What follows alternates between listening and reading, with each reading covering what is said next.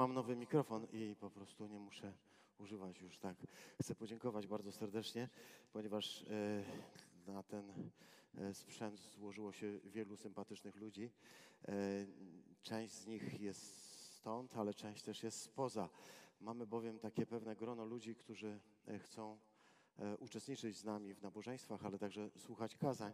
I w związku z tym jednym z takich e, mankamentów tych naszych nagrań była kwestia mikrofonu, który używam, a nie zawsze jest słyszalny. W związku z tym niektórzy powiedzieli, słuchaj, zrzucimy się, tylko mów wyraźnie ale nie wiedzieli, że to nie jest kwestia mikrofonu, tylko mojego głosu, więc teraz będzie wszystko jasne. Bardzo dziękuję tym, którzy zrzucili się na niego, y, na przykład y, prosto z Manchesteru. Dziękuję bardzo Tomku oraz e, zboże w Manchesterze, ale także tym, którzy gdzieś tam daleko na południu, nie będę wymieniał, też się dołączyli do tego w znacznym stopniu. Bardzo, bardzo dziękuję. Mogę dzisiaj stanąć przed Wami i po prostu e, e, z, tylko z takim poczuciem drutów z tyłu głowy i mówić. Tak się składa, że dzisiaj święto Trójcy Świętej i w związku z tym będziemy chcieli włączyć się do e, ostatniego z cyklu rozważań na temat e, Parakletosa. E, Bóg i Ojciec. Parakletos. Tak brzmi tytuł dzisiejszego naszego rozważania. Pozwólcie, że zaczniemy od przeczytania tekstu, który będzie dzisiaj przedmiotem naszej refleksji. To jest drugi list do Koryntian, pierwszy rozdział, wiersz od trzeciego do czwartego, wiersze trzeci i czwarty. A więc drugi list do Koryntian, rozdział pierwszy. Sam początek drugiego listu do Koryntian, yy, dwa wiersze, trzeci i czwarty, teraz będziemy czytać.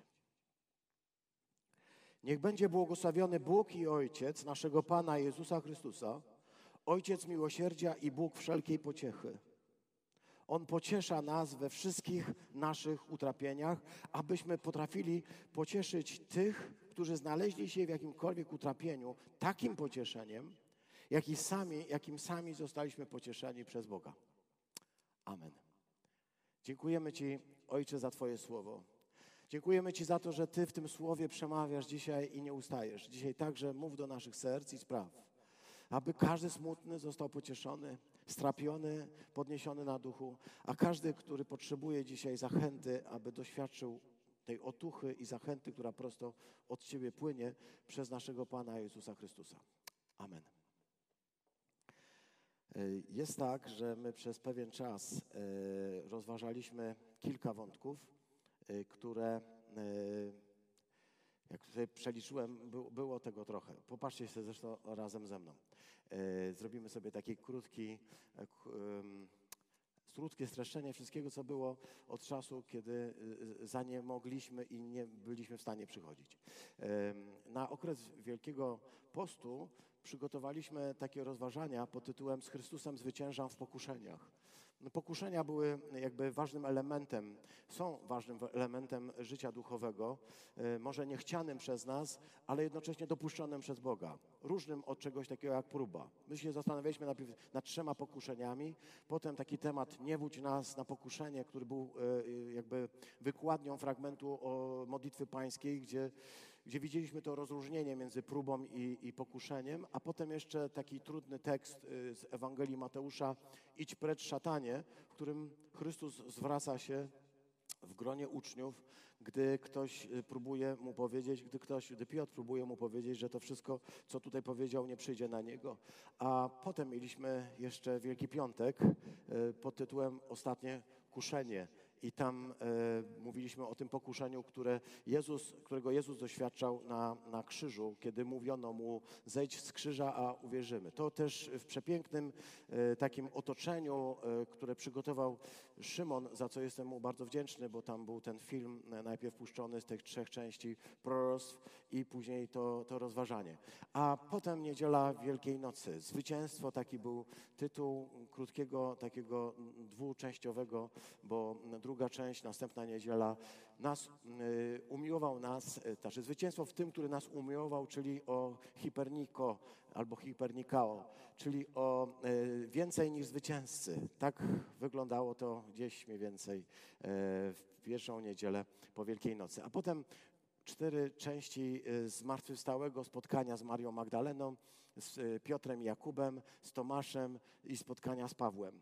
E, to były te części, które poprzedzały bezpośrednio to, o czym teraz rozpoczęliśmy, a więc e, parakletos, Jezus, Jezus jako parakletos, to było e, rozważanie z okazji w niebo wstąpienia i jednocześnie przywołaliśmy taki tekst z pierwszego listu Jana z drugiego rozdziału, od pierwszego, drugi wiersz, który mówił o tym, że moje dzieci piszę wam, abyście nie grzeszyli, ale jeśli ktoś zgrzeszył, to żebyście wiedzieli, że mamy e, u Ojca wyjątkowego, skutecznego, absolutnie fenomenalnego obrońcę, który jest w stanie pomóc każdemu, kto się do Niego zwróci.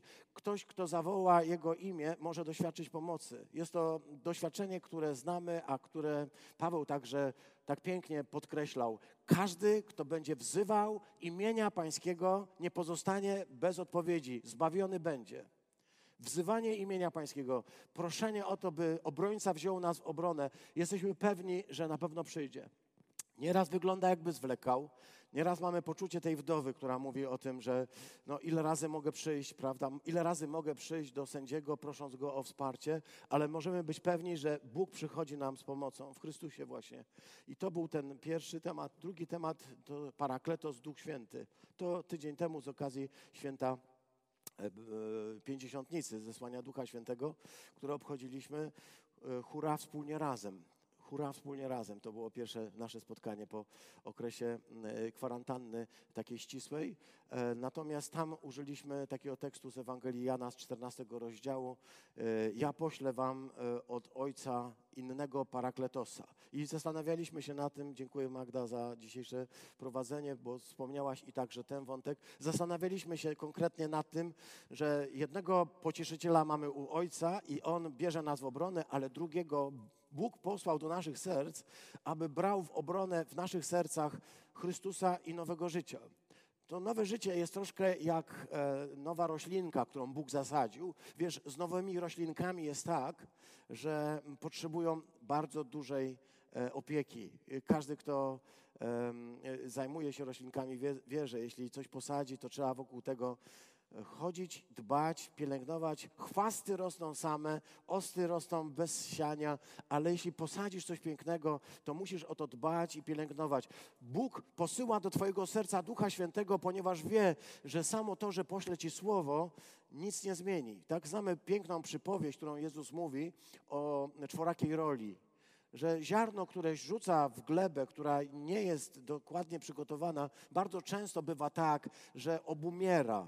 Obumiera, ponieważ chwasty, ponieważ e, skały, ponieważ problemy tego świata, wszystko to, co e, się dzieje w naszym życiu, powoduje, że możemy w pewnym momencie stwierdzić, że już nie dajemy rady. Duch Święty został dany Ci po to, żebyś dał radę. Chrześcijaństwo bez Ducha Świętego nie jest w stanie złożyć świadectwa, ale w ogóle wytrwać.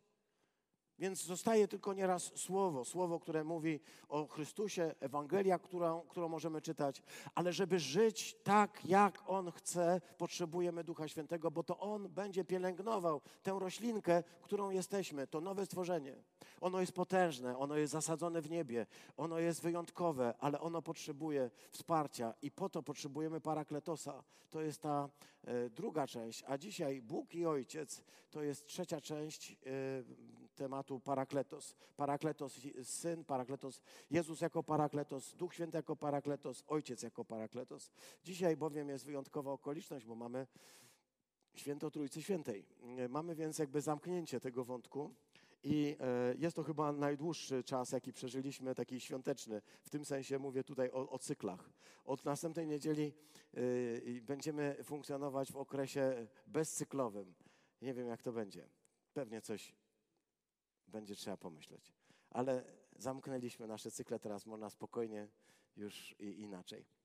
Parakletos. Kiedy mówimy o Bogu Ojcu jako parakletosie, oczywiście chcemy przypomnieć to wszystko, cośmy mówili, że parakletos to obrońca, że parakletos to protektor, że to patron, że to orędownik, że to jest wstawiennik, że to adwokat, że to doradca, że to pocieszyciel także, że to pomoc i wspomożyciel, rzecznik i pośrednik. To wszystko mówiliśmy, zawiera się w słowie parakletos, dlatego y, taką wygłosiłem swoją koncepcję.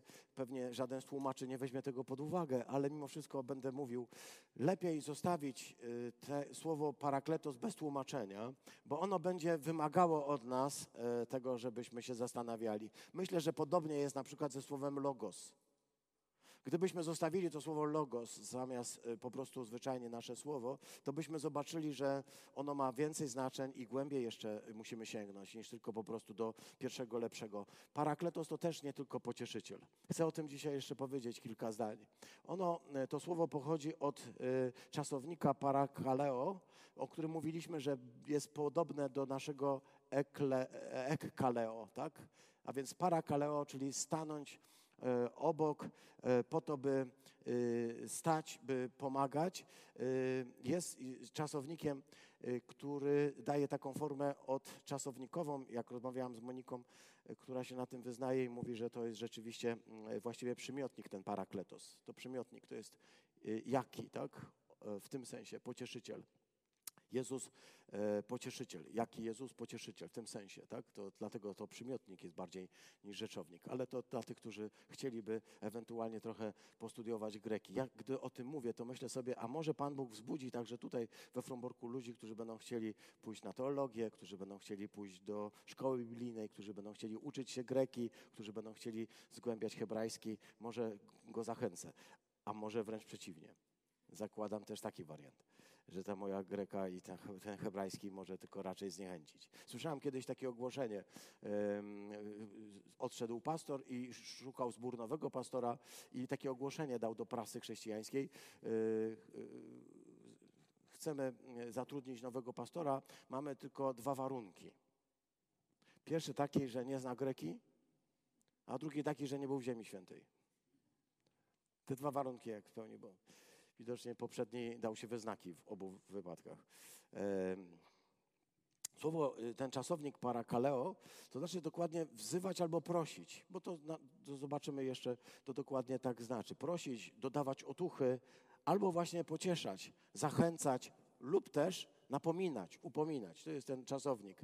Natomiast y, rzeczownik będzie związany z y, podobnymi wątkami, a więc to jest po prostu wzywam, proszę, zachęta, napomnienie, pocieszenie, karcenie, upominanie. Bardzo szerokie spektrum, tak? Od tych słów które tutaj mówimy. I już koniec. Musimy sobie podać kilka przykładów, żeby nie być, jakby to powiedzieć, tylko no, e, w teorii e, gramatycznej. W dziejach apostolskich znamy taką historię, kiedy Piotr głosi słowo. To jest ten pierwszy moment, kiedy e, po pięćdziesiątnicy, po zesłaniu Ducha Świętego i dzisiaj do tego też nawiązuje, Piotr stanął pośrodku ludzi i zaczął głosić im, że ten Jezus, którego oni odrzucili, którego oni wydali na śmierć, którego oni ukrzyżowali, tego Jezusa Bóg wzbudził z martwych, czego jesteśmy świadkami, mówi Piotr, i posłał swojego ducha, abyśmy byli gotowi za tę wiarę umierać, bo jesteśmy jej pewni bardziej niż czegokolwiek na świecie. I dał też Łukasz taki komentarz. Mówił, Piotr licznymi słowami świadczył o Jezusie i zachęcał ich, mówiąc, dawajcie się, dajcie się zbawić. Tutaj słowo paraklet, para, parakaleo będzie użyte jako zachęcał, to znaczy to będzie paraklezis, będzie zachęcał ich. Zobaczmy, yy, paraklezis, czyli Piotr zachęcał ich do tego, by szukali jakim sposobem Bóg może do nich przemówić. Gdy przyglądamy się yy, innemu wydarzeniu, też bardzo e, ważnemu, kiedy pamiętacie, Filip mm, e, na drodze pustynnej do Gazy spotkał pewnego Etiopczyka e, i głosił mu słowo, to zanim zaczął mu głosić, zapytał go, czy ty rozumiesz, co czytasz, bo on czytał Izajasza. Rozumiesz, co czytasz? I mm, ten Etiopczyk powiedział do niego, jak mam rozumieć, skoro mnie nikt, nie, nikt nie wyjaśnił. I wtedy czytamy, poprosił Filipa, aby się przysiadł. Czyli parakaleo. Poprosił, czyli y, słowo parakaleo znaczy po prostu poprosić, tak? Y, pocieszać, mm, zachęcać, ale też zwyczajnie po prostu zwrócić się do kogoś z prośbą o to, żeby coś zrobił. Tak jak na przykład w dziejach, gdybyśmy sobie tam czytali w 16 rozdziale, kiedy pewni ludzie dopuścili się uwięzienia Pawła i Tymoteusza, e, Pawła i Sylasa i oni ich tam wsadzili do więzienia, pobili, a potem okazało się, że oni byli obywatelami rzymskimi.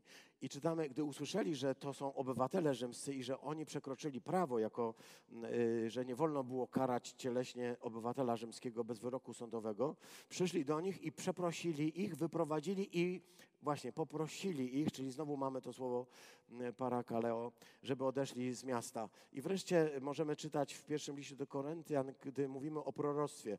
Mówi list do Koryntian, 14 rozdział, że kto prorokuje, mówi do ludzi e, ku e, zbudowaniu, zachęcie i ku pocieszeniu. E, mówi do ludzi ku. Można też tak to przeczytać.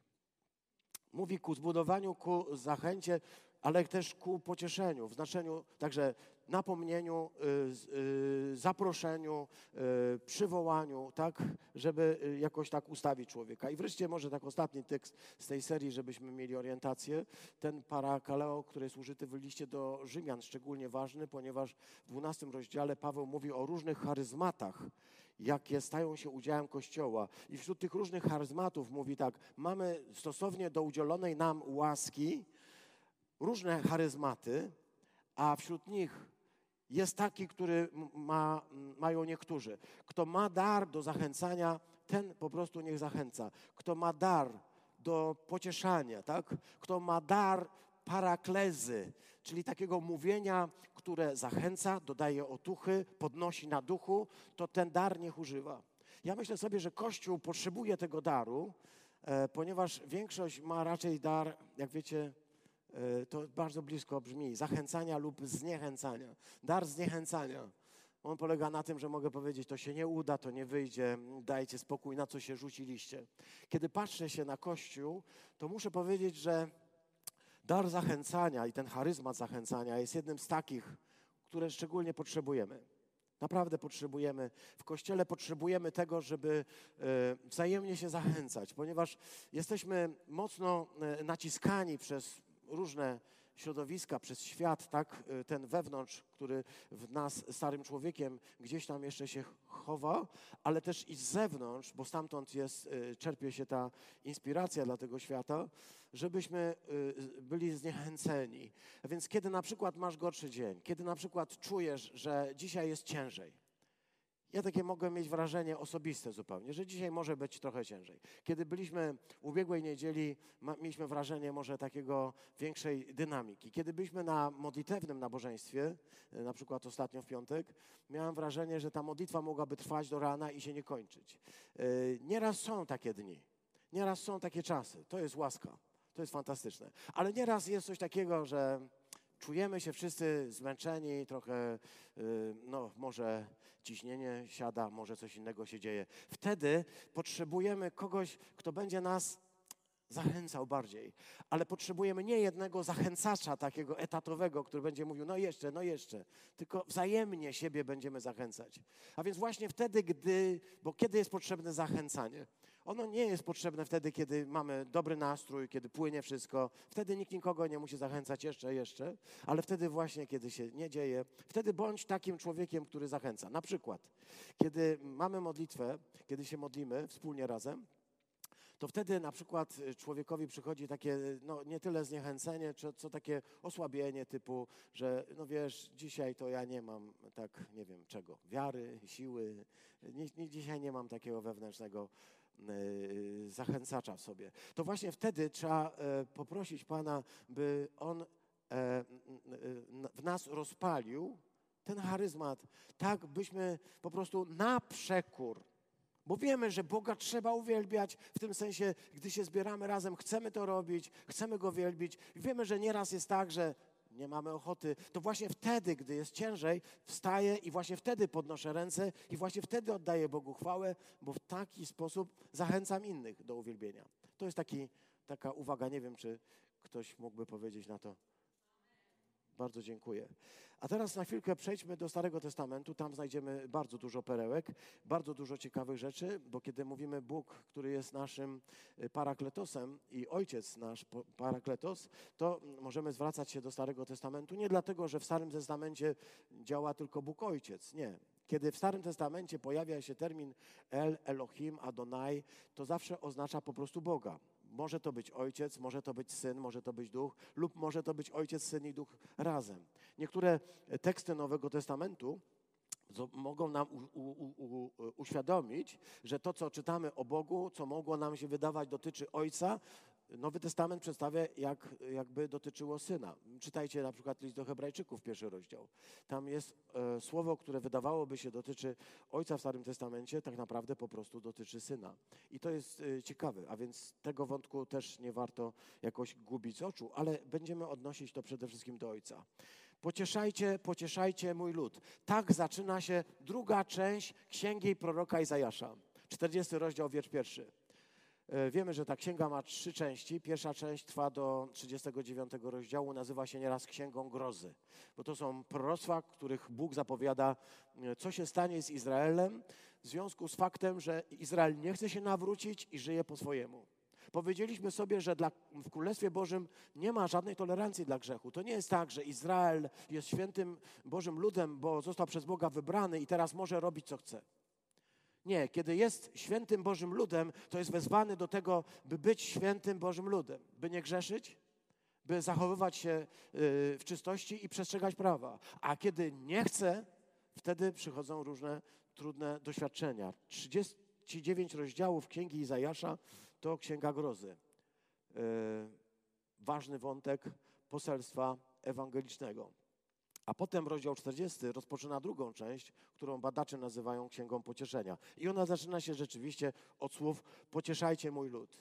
Tam występuje e, taki e, termin naham, czyli właśnie ten, który my byśmy tłumaczyli jako pocieszać. To znaczy ucieszyć, pocieszyć, dodawać otuchy, ale to się wiąże też nieraz z żalem, ponieważ pocieszenie zawsze jest efektem, jakby konsekwencją tego, że najpierw jest sytuacja, która jest trudna pocieszamy kogoś, kto znalazł się w trudnej sytuacji. Nic dziwnego więc, że u podstaw tego tekstu będzie jakiś żal, jakiś problem. Kiedy Bóg mówi o tym, że wylewa swój gniew na lud, który go nie chce słuchać, to chcę powiedzieć, ten, ten gniew, który jest przygotowany z jakichś tam powodów, nie, nie, nie będziemy teraz tego wątku e, omawiać, e, Boży gniew ma pewien finał, ale za tym finałem, który no, jest zesłaniem do niewoli babilońskiej, idzie coś nowego. Idzie to, że kiedy człowiek doświadczył pewnego e, e, bólu i cierpienia i zaczyna żałować, wtedy Bóg nie, zostaje, nie zostawia człowieka bez e, pociechy, nie zostawia go w takim stanie. Chce doprowadzić człowieka do świadomości, że człowiek musi pokutować, że musi się nawrócić, że musi zmienić swój sposób myślenia. Tak. Bóg chce doprowadzić człowieka do takiego momentu, kiedy człowiek uświadomi sobie, że coś jest nie tak. Ale nie po to, żeby się nad nim pastwić, jak my to nieraz robimy, tak? Żebyśmy mu jeszcze tłumaczyli i jeszcze tłumaczyli i jeszcze tłumaczyli, aż mu po prostu uszami będzie wychodzić.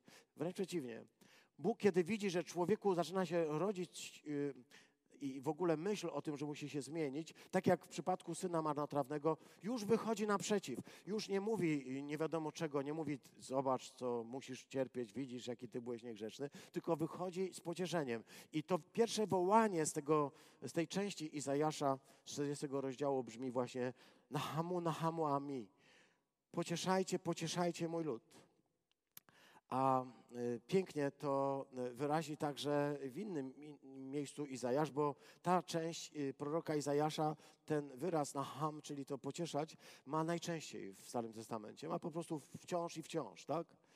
Mówi 51 rozdział przez Izajasza Pan Bóg, ja jestem, ja jestem, czyli anoki, anoki po hebrajsku, ja jestem tym, który was pocieszy. I tutaj też jest na ham.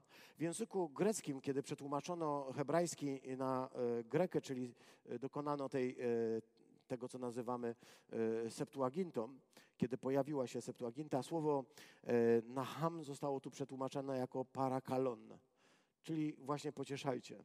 To słowo w związku z tym będzie pewnie też i z tego powodu w Ewangelii Jana. To już tak na marginesie. Ale ja bym zwrócił Waszą uwagę na inny tekst. On jest wstrząsający i, i on najlepiej oddaje, co to znaczy, jak rozumie Stary Testament pocieszenie. Ponieważ z pocieszeniem może być nieraz taki kłopot, że my go rozumiemy tylko w wymiarze werbalnym. Pocieszajcie, czyli co róbcie? Przyjdźcie do kogoś smutnego i powiedzcie mu: Nie martw się, będzie dobrze. Otóż to nie jest pocieszanie ani w znaczeniu biblijnym, ani w znaczeniu psychologicznym.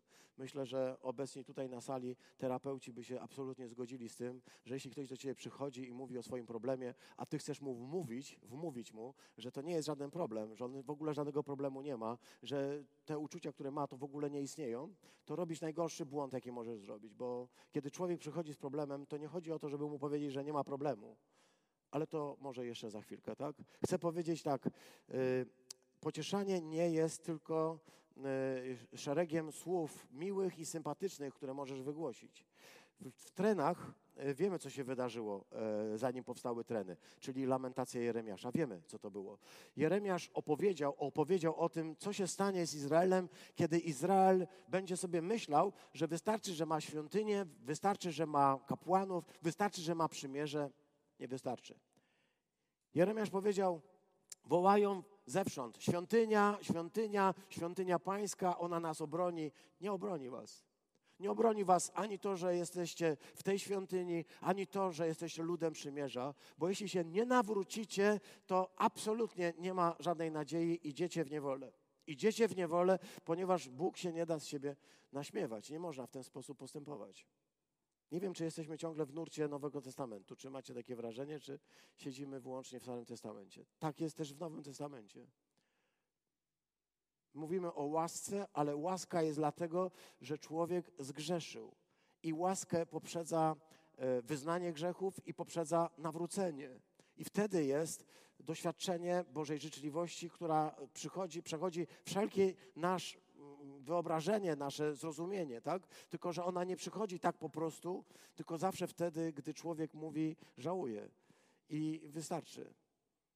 Tutaj, e, gdy mówimy o Jeremiaszu, wiemy, że ten Jeremiasz, e, głosząc swoje Jeremiady, te e, straszne zapowiedzi Bożego Sądu nad Izraelem, pokazał Izraelowi, że Bóg jest świętym Bogiem, który nie da się z siebie naśmiewać ale jednocześnie potem tworzy taką księgę, którą nazywamy księgą trenów, księgą lamentacji, bo jest faktem, że Izrael poniósł konsekwencje tego, co zrobił w postaci niewoli, która go spotkała w Babilonie. Ale to nie zmienia postawy Jeremiasza, który żałuje i płacze nad Jerozolimą, która została tak strasznie dotknięta.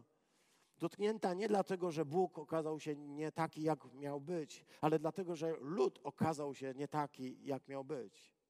Że lud po prostu odszedł, zawiódł, ale Jeremiasz siada na, y, na tych gruzach Jerozolimy i zaczyna śpiewać Bogu pieśń, jedną z najdramatyczniejszych. Myślę, że będzie okoliczność, żeby zrobić jakiś y, cykl rozmyślań nad trenami, ale to dopiero na wielki post przyszłego roku, więc mamy trochę czasu.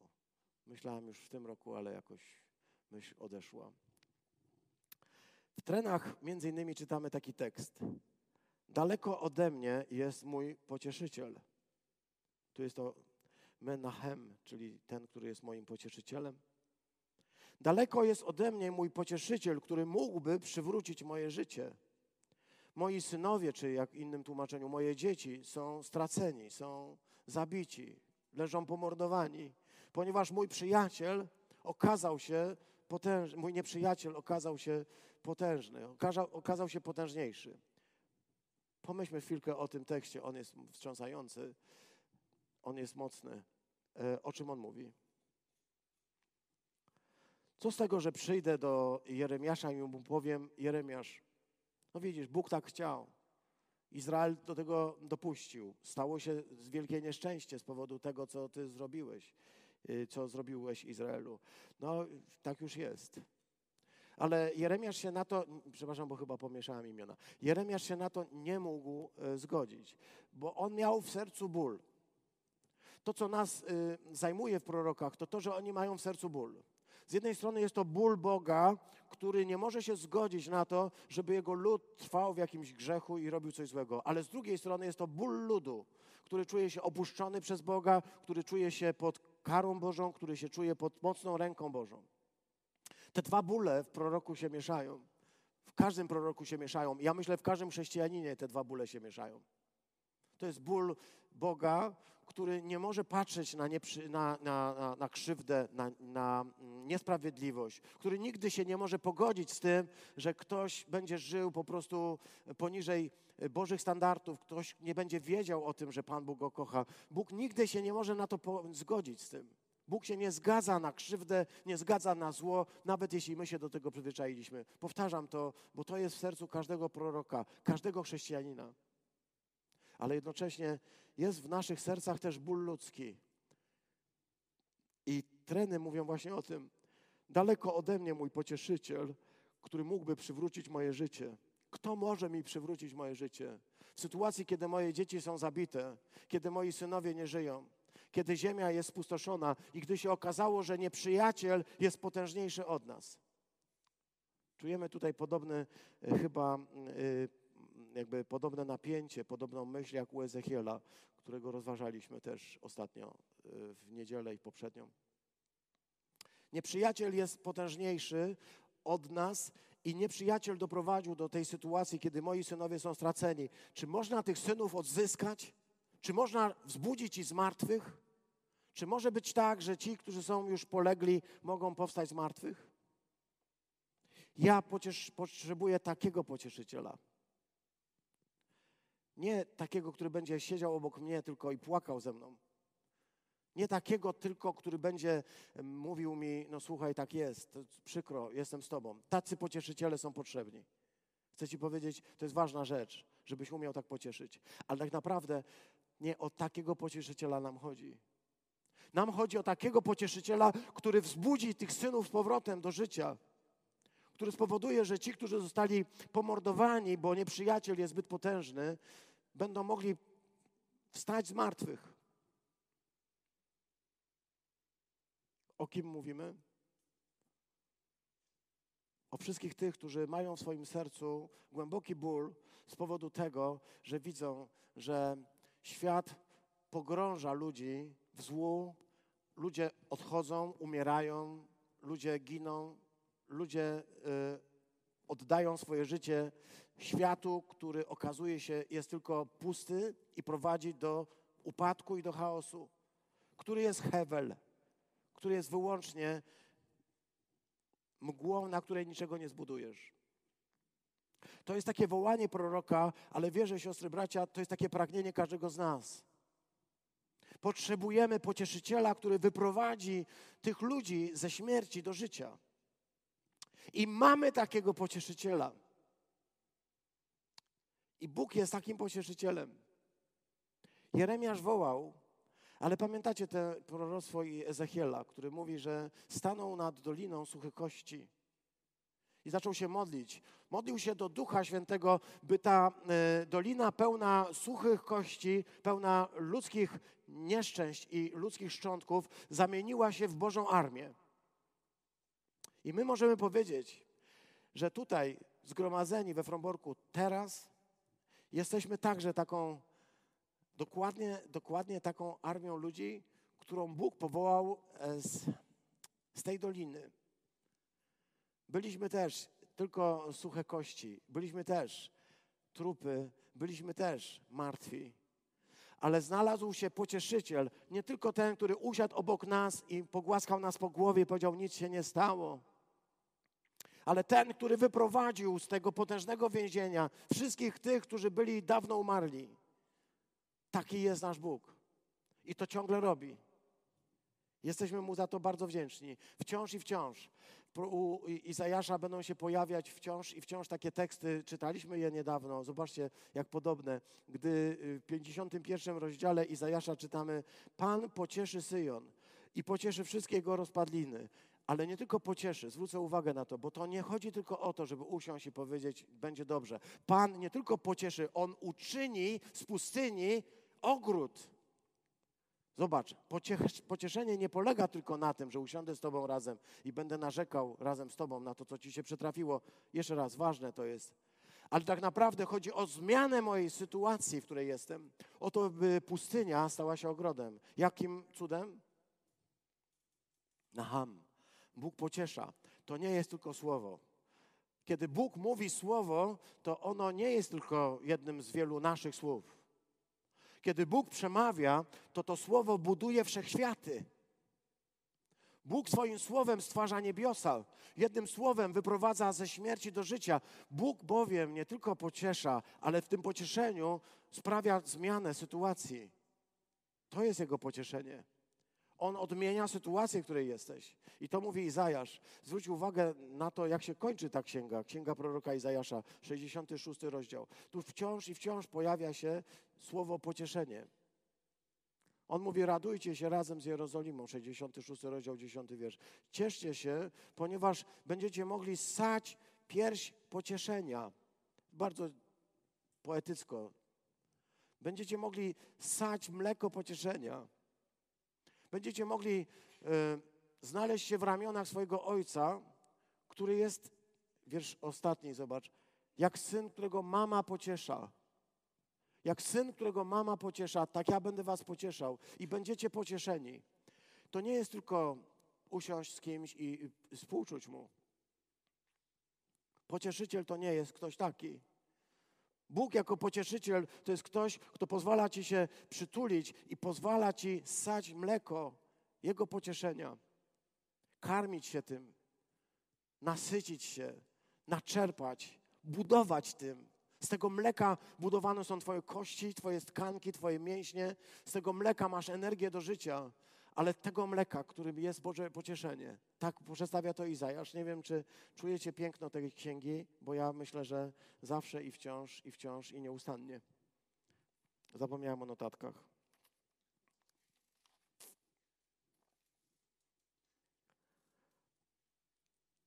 Niebierne, niebierne, choć ważne, ale czynne. Pocieszajcie mój lud, ponieważ może być tak, że Bóg pociesza, ale e, jakoś tak nie dociera to do, do nas. Bóg pociesza. Dlatego Bóg wzywa i mówi: Pocieszajcie mój lud. Jesteście powołani do tego, jako Kościół, by pocieszać.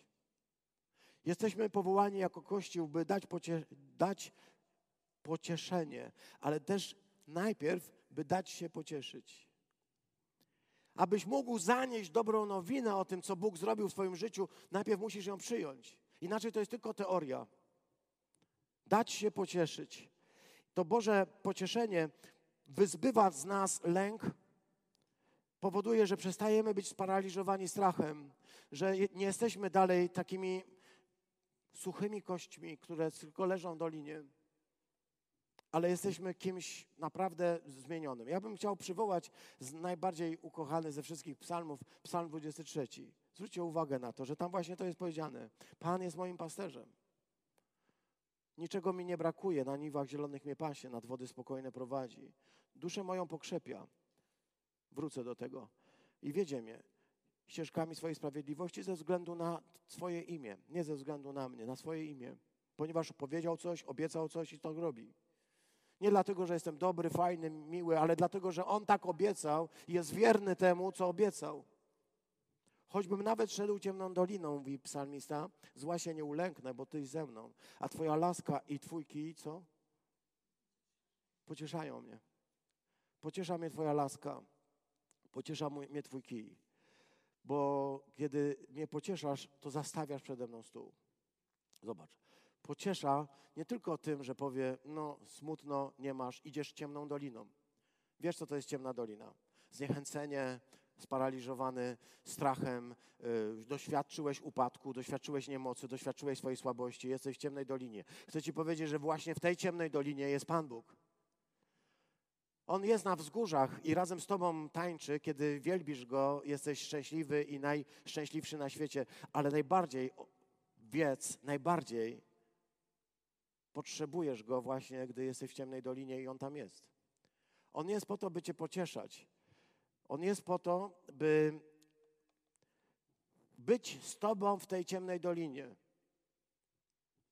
On nie tylko gdzieś jest tam w niebie i On Cię pociesza, wiesz, tak z góry patrzy się na Ciebie, mówi, jak mi Ciebie szkoda. Tak sobie nieraz Go wyobrażamy.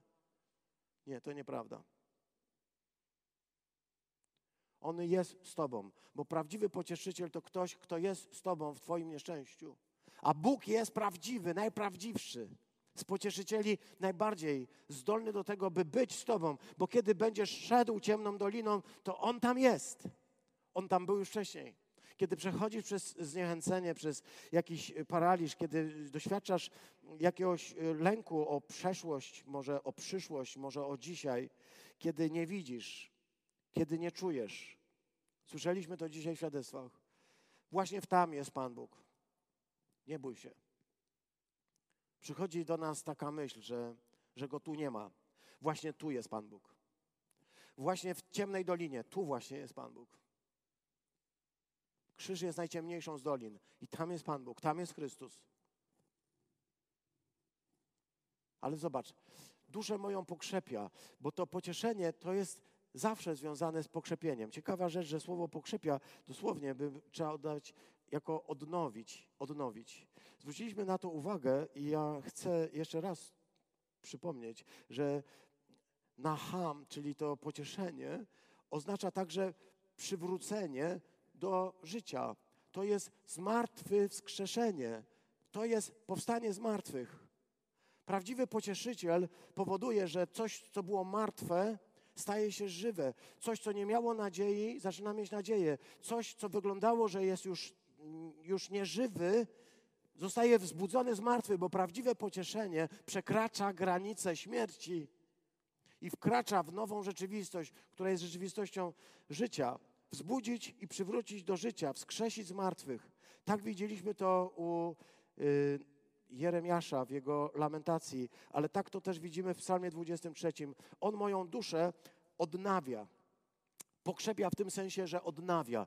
Ona była już zniechęcona, bo wiesz, chodzisz długo z Panem, możesz być już zmęczony, możesz być nieraz już zniechęcony, bo modlisz się i modlisz się i nie widzisz, nie widzisz odpowiedzi i możesz pomyśleć sobie, a gdzie jest mój Bóg, który tak przecież y, mówił o swojej obecności. Otóż On moją duszę pokrzepia właśnie wtedy, gdy jestem w ciemnej dolinie. Mogę tego nie zauważyć, ale mogę w to uwierzyć. Chcę się zapytać, możesz to uwierzyć? Gdy jesteś w ciemnej dolinie. Potrzebujesz wtedy Boga, który jest pocieszycielem, Ojca, który jest pocieszycielem. Wróćmy do naszego tekstu wyjściowego. Drugi y, list do Koryntian. To jest bardzo dziwny list. Dopiero gdy zacząłem go studiować pod tym kątem, okazało się, siostry i bracia, że jest e, słowo parakaleo albo paraklezis, czyli albo czasownik, albo rzeczownik, w tym słowie użyte najczęściej. E, gdy się czyta dzieje apostolskie, to wciąż czyta się o tym, że uczniowie pocieszali, zachęcali, uczniowie napominali, uczniowie szli, by e, takie rzeczy robić, tę paraklezę głosić, żeby pocieszać, budować, dodawać otuchy, to wszystko robić. W dziejach apostolskich wciąż i wciąż i wciąż i wciąż to się pojawia. A to jest długa księga, 28 rozdziałów i tam tych e, tego słowa para kaleo w tych różnych postawach, bym powiedział, leksem y, tego terminu, ale tak nie powiem, bo trzeba by tłumaczyć. Leksem tego terminu, tak nie powiem, y, jest użyty 24 razy, a w krótkim liście do Koryntian drugim jest użyty 29 razy. I nigdzie więcej nie pojawi się takiej intensywności. Drugi list do Koryntian jest takim listem, w której słowo pocieszenie, pocieszyciel wciąż i wciąż będzie występować po kolei, od początku do końca całego tego listu. To jest jednocześnie najbardziej osobisty list. Studiowałem go kiedyś, bo musiałem e, do jakiejś publikacji, musiałem, chciałem po prostu w jakąś publikację tam e, także włączyć ten list i okazało się, że z tych studiów wyszło na to, że to jest najbardziej e, osobisty list Pawła. On tam mówi o, o ranach, które mu Koryntianie zadali, o tym, że został przez nich no, potraktowany naprawdę fatalnie on, który oddał im swoje życie, On, który dla nich poszedł zwiastować Ewangelię, On, który tworzył ten Kościół, e, to w pewnym momencie w tym Kościele pojawili się ludzie, którzy zaczęli wygadywać na Pawła i zaczęli robić rzeczy, które okazały się dla niego bardzo smutne. I był bardzo zraniony tym, co tam się e, działo.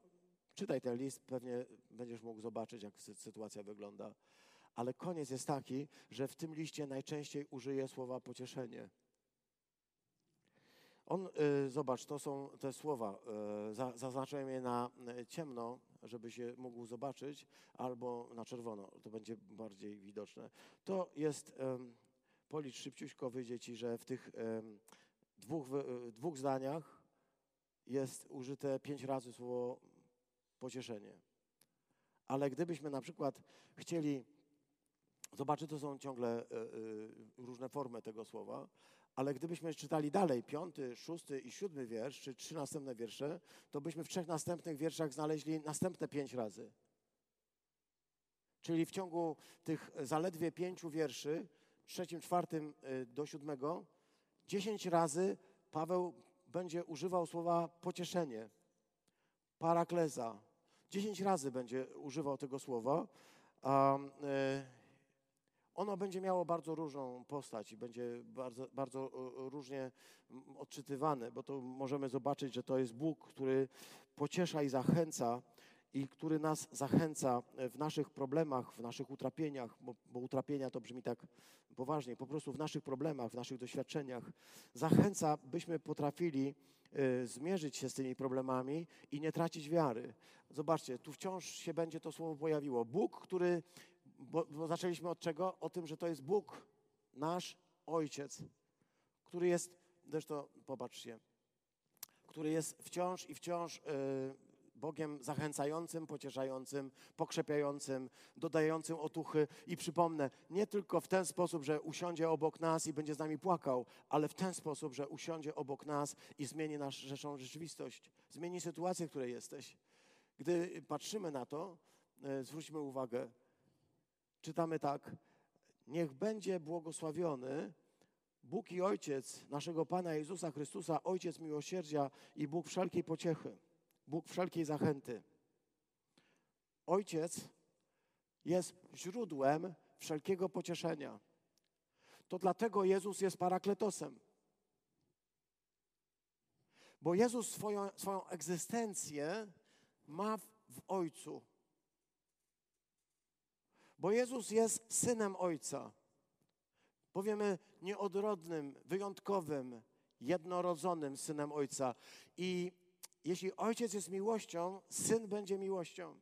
Jeśli Ojciec ma w sobie taką nieustanną potrzebę zachęty, dodawania otuchy, inspirowania, budowania, podnoszenia, to nic dziwnego, że syn kim zostanie? Adwokatem który będzie bronił. Dlatego, że jego ojciec dał mu taki wzór. Ojciec jest źródłem wszelkiego pocieszenia, z tego źródła czerpie sam syn. Ojciec jest źródłem, dlatego my dzisiaj chcemy mówić, Bogu niech będą dzięki za to, że objawił się nam właśnie jako Bóg w Trójcy. Żebyśmy zobaczyli, że ten, którego wyznajemy jako naszego Pana i naszego Zbawiciela, On swoje źródła ma w Ojcu a Ojciec jest źródłem wszelkiego miłosierdzia, wszelkiej pociechy. Chcę zwrócić Waszą uwagę, to jest teraz trudny moment w tym rozważaniu, ponieważ musimy powiedzieć, że Bóg jest Ojcem dla chrześcijan, a pozostaje Bogiem zagniewania dla wszystkich, którzy nie wyznają wiary w Chrystusa. To, dla, to tylko przez Chrystusa możemy odkryć to serdeczne serce Pana Boga. Bez Chrystusa, kiedy mówimy o serdecznym sercu Boga, o Jego ojcowskim sercu, tak naprawdę e, nie, ma, nie ma na to podstaw. Bo tylko Chrystus odkrywa przed człowiekiem serce Boga i pozwala mu do tego serca Bożego dotrzeć. Jeśli nie przez Chrystusa, to spotkasz się z murem Bożego gniewu, Bożego sądu. Dlatego głosimy całemu światu, że wejść do Bożego y, serca można tylko przez Chrystusa. W Boże życie można wejść tylko przez Chrystusa i ci, którzy wchodzą przez Chrystusa, odkrywają, że On jest Ojcem. Dla pozostałych pozostaje Bóg, który jest potężny, jest ogniem trawiącym. Ale dla chrześcijanina, który rozpoznał, że Jezus jest jego Panem, Bóg staje się Ojcem. Niech będzie błogosławiony Bóg i Ojciec naszego Pana, bo jest Ojcem miłosierdzia i Bogiem wszelkiej zachęty. Bo w Chrystusie otrzymuje Ojciec, Bóg Ojciec, tę prawdziwą twarz, której nie może dostrzec człowiek pogrążony w grzechu. Człowiek pogrążony w grzechu nie może stanąć przed Bogiem i powiedzieć mu: No cóż, jesteś potężnym Bogiem, a ja zwykłym, e, normalnym człowiekiem, bo to jest po prostu e, niestety spotkanie z ogniem trawiącym. Człowiekowi może się wydawać, że będzie w stanie cokolwiek powiedzieć, ale kiedy stajesz przed grozą, potęgą sądu, wtedy głos milknie, pojawia się ściśnięte gardło, nie jestem w stanie nic powiedzieć. Dlatego chrześcijanie mówią: ratujcie się z tego e, ludu, ponieważ przez Chrystusa masz możliwość dotrzeć do samego serca Boga i możesz zobaczyć, że to nie jest tylko ogień trawiący, ale to jest Twój ojciec. Bo on dla tych, którzy stają się dziećmi Bożymi, jest ojcem. To jest źródło. A to źródło idzie tak. On pociesza, zachęca, inspiruje, dodaje otuchy, ale też tworzy nową rzeczywistość, powiedzieliśmy. Wyprowadza ze zmarłych, wyprowadza ze śmierci. On powoduje, że coś, co wydawało się beznadziejne, przypadek, który wydawał się kompletnie już skończony, gdy wydajesz się sobie samemu człowiekiem, który, dla którego już nie ma żadnej nadziei, który już jest pogrążony w złu, pogrążony w grzechu, pogrążony w, w jakichś, problemach, który ma jakieś choroby, który, któremu orzeczono jakieś niepełnosprawności psychiczne czy fizyczne, chcę powiedzieć, w Chrystusie Jezusie, w Bogu Ojcu, On jest źródłem wszelkiego pocieszenia, ponieważ może zmienić moją rzeczywistość. Wierzę w takiego Boga. Boga, który zmienia rzeczywistość w nas w taki sposób, że byliśmy ludźmi grzeszącymi, a może uczynić nas w jednym momencie świętymi. Byliśmy ludźmi w niewoli, ludźmi e, zakutymi w kajdany i żyjący we własnych porządliwościach i może nas zmienić na innego człowieka. Jest źródłem wszelkiej pociechy. On pociesza nas wszystkich w naszych utrapieniach, w naszych problemach. Bo jak powiedzieliśmy, my potrzebujemy pocieszenia właśnie w sytuacji, gdy jesteśmy w, trudnej, w trudności, tak? gdy jesteśmy w problemie, gdy jesteśmy w utrapieniu. Abyśmy my, i teraz idź dalej ze mną, abyśmy my mogli i potrafili pocieszać tych, którzy znaleźli się w jakimkolwiek utrapieniu, takim pocieszeniem, jakim sami zostaliśmy pocieszeni. Bóg, który jest źródłem pociechy, którego syn jest odbiciem jego e, otuchy, którą wlewa w nasze serca, staje się naszym obrońcą i bracia jego, my, chrześcijanie, którzy przyjmujemy od niego to, co stanowi źródło, co jest najważniejsze, jego miłosierdzie i jego pociechę, jego zachętę. Powołani do tego, by móc dotrzeć do tego serca Pana Boga i stać się dla innych taką zachętą i takim pocieszeniem, jakie my sami, jakiego my sami doświadczyliśmy. To powie przepięknie ten tekst. I będzie mówił dalej pięknie, ale pozwólcie, zostanę już tutaj na tym. On pociesza nas we wszystkich utrapieniach po to, abyśmy my umieli pocieszać. On nas zachęca, On dodaje otuchy, On wyprowadza nas ze stanu, y, gdy mamy poczucie, że już się nic nie uda, że to już jest koniec. On nas z tego wszystkiego wyprowadza po to, żebyśmy byli szczęśliwi i leżeli sobie na piasku i mówili, jak się cieszę, że Bóg się nade mną zmiłował. On wyprowadza nas po to, żebyśmy mogli pocieszać innych, którzy są w takiej sytuacji, w jakiej ty byłeś jeszcze przed chwilką, jakim ty byłeś przed rokiem, jakim ty byłeś przed pięciu laty. Znasz ten stan. Jesteśmy Jego ciałem tutaj. Jesteśmy Jego ustami tutaj. Jesteśmy Jego rękami tutaj. Jesteśmy Jego nogami tutaj. Jesteśmy dla Niego tutaj, bo On właśnie nas ma po to, żebyśmy mogli zanieść to pocieszenie, żebyśmy mogli pokazać, że Bóg ma właśnie taką twarz, ma właśnie takie serce. On ma nas do tego, żebyśmy mogli pójść i być takim pocieszeniem. I tak potrafili pocieszyć, jak sami zostaliśmy pocieszeni. Tak potrafili zachęcić, jak sami zostaliśmy zachęceni przez Boga. Takim samym pocieszeniem, taką samą zachętą, żebyśmy włożyli w to całe serce. Nie taką, jaką cię zachęca Twój brat Zwróć na to uwagę. On może jest dla ciebie fajnym wyzwaniem, ale możesz powiedzieć, on mnie za bardzo nie zachęcał. Dlatego Bóg od razu ostrożnie mówi tak. Nie, nie patrz się na to, jak ciebie zachęcono. Popatrz się, jak ciebie ja zachęciłem. Jak sam Bóg spowodował, że ty, będący człowiekiem zniechęconym, żyjącym bez sensu, mający świadomość jakiejś ciemności, która nas otacza, ciemności, w której żyłeś, taką egzystencjalną pustkę, w której może rosłeś, że to właśnie z tego On wyprowadził Cię swoimi ścieżkami, abyś właśnie w taki sposób umiał innych pocieszać. Umiał innych zachęcać, innym dodawać otuchy, innych wyprowadzać ze śmierci.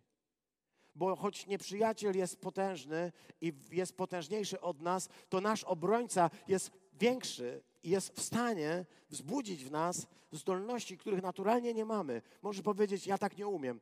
Wołaj. Proś Pana o ten charyzmat. O to, żebyś mógł być kimś takim zachęcającym i pocieszającym. Mógł być kimś takim, kto weźmie ciężar na siebie i powie: Słuchajcie, damy radę, pójdziemy dalej. Wszyscy tego potrzebujemy, wszyscy tego oczekujemy.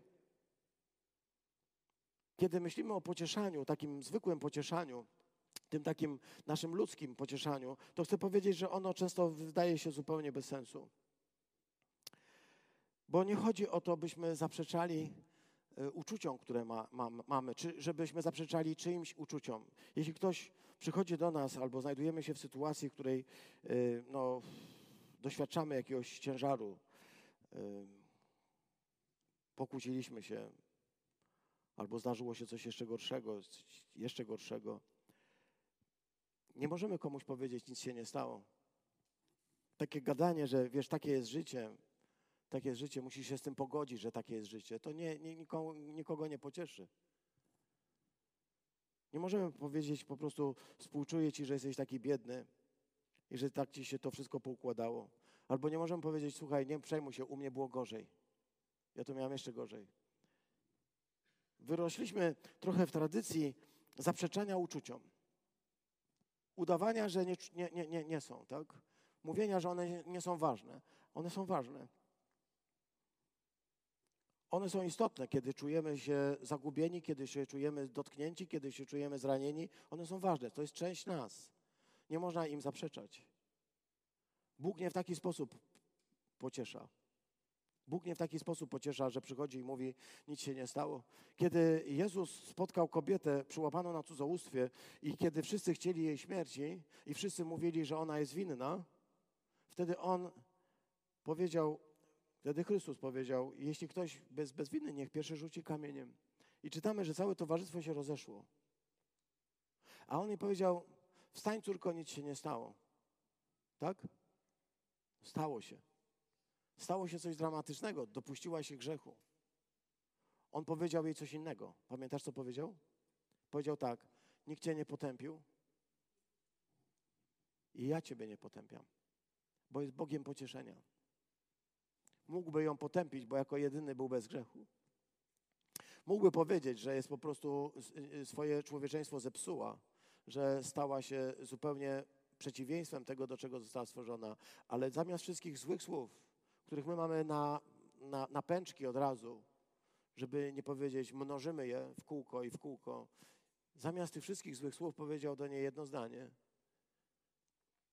Nikt cię nie potępił i ja ciebie nie potępiam.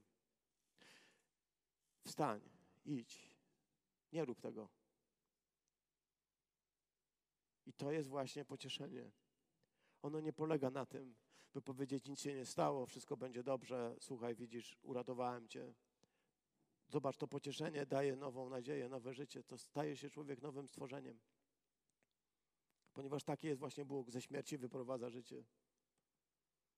z tych najdramatyczniejszych sytuacji, okoliczności, w które się człowiek znalazł, wyprowadzał życie.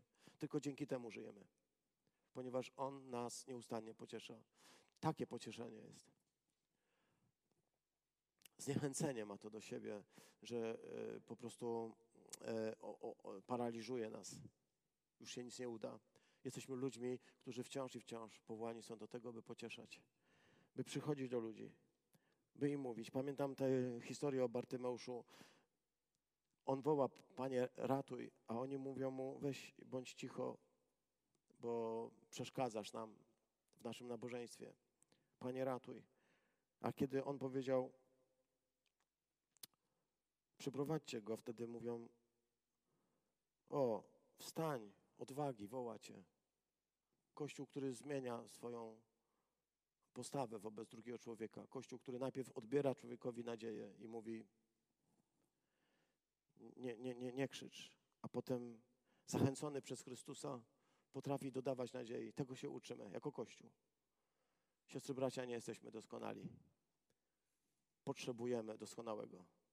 Nie jesteśmy wszyscy bez zarzutu. Potrzebujemy kogoś, kto nas będzie wciąż doprowadzał do, do otuchy, kto będzie nas wzbudzał nie fałszywymi e, słowami, ale prawdą. Prowadził nas do życia. Jako chrześcijanie mamy stać się obrońcami, wspomożycielami, pocieszycielami. I chcę podziękować wszystkim Wam za to, że tyle razy czułem się we, przez Was pocieszony i zachęcony. E, tyloma SMS-ami, nie tylko w tym czasie kwarantanny. Tyle razy byliście obok, żeby mi powiedzieć, że damy radę, żeby się nie załamywać. To jest to, co mówiła dzisiaj także Beatka, żeby po prostu nie tracić gdzieś siły, bo je naturalnie tracimy. Potrzebujemy kogoś, kto stanie obok nas i powie: Pójdę z Tobą. I będziemy mogli zwyciężyć. Ojcowskie serce Boga. Do Niego prowadzi Chrystus. Parakletos. Duch Parakletos. I Ojciec, który jest Parakletos. Taki jest nasz Bóg. Takiego właśnie Go głoszę i dzisiaj Was zapraszam do tego, żebyśmy takiemu oddali chwałę. Niech będzie uwielbiony teraz i na wieki. Amen. Ojcze, dziękujemy Ci. Jesteś źródłem wszelkiej pociechy. Sprawiłeś, że oto Dolina Suchych Kości została przemieniona w armię pięknych ludzi. Wyznajemy, byliśmy właśnie takimi suchymi kośćmi, ludźmi, którzy wyglądali tylko jak rzeczy. Ale Ty zobaczyłeś coś więcej i przywróciłeś nas do życia, bo jesteś pocieszycielem. Nie widział tego może Jeremiasz, nie widzieli tego prorocy. Objawił nam to Chrystus Jezus i za Niego jesteśmy Ci wdzięczni, Ojcu, Ojcze. Sprawa, abyśmy umieli pocieszać, zachęcać i spraw, byśmy my mogli zachęcać tak, jak sami przez Ciebie zostaliśmy zachęceni. O taki charyzmat dla Twojego Kościoła się modlę. O taki charyzmat. O to by jeszcze wielu mogło usłyszeć i zobaczyć, że Ty jesteś takim właśnie Bogiem, który nas pociesza i zdobywa nas dla swojego królestwa. Proszę Ciebie, Panie, o to dla Kościoła. I proszę Ciebie, Panie, o to dla wszystkich tych, którzy są Twoimi dziećmi. I proszę Ciebie, Panie, aby dobra nowina docierała wciąż i wciąż do nowych i nowych ludzi, by wyprowadzać ich z Doliny Suchych Kości i wprowadzać ich do Królestwa Bożego jako żywych, cudownych braci i siostry. Tobie powierzam proszę, wypełnił swoje słowo do końca. Amen.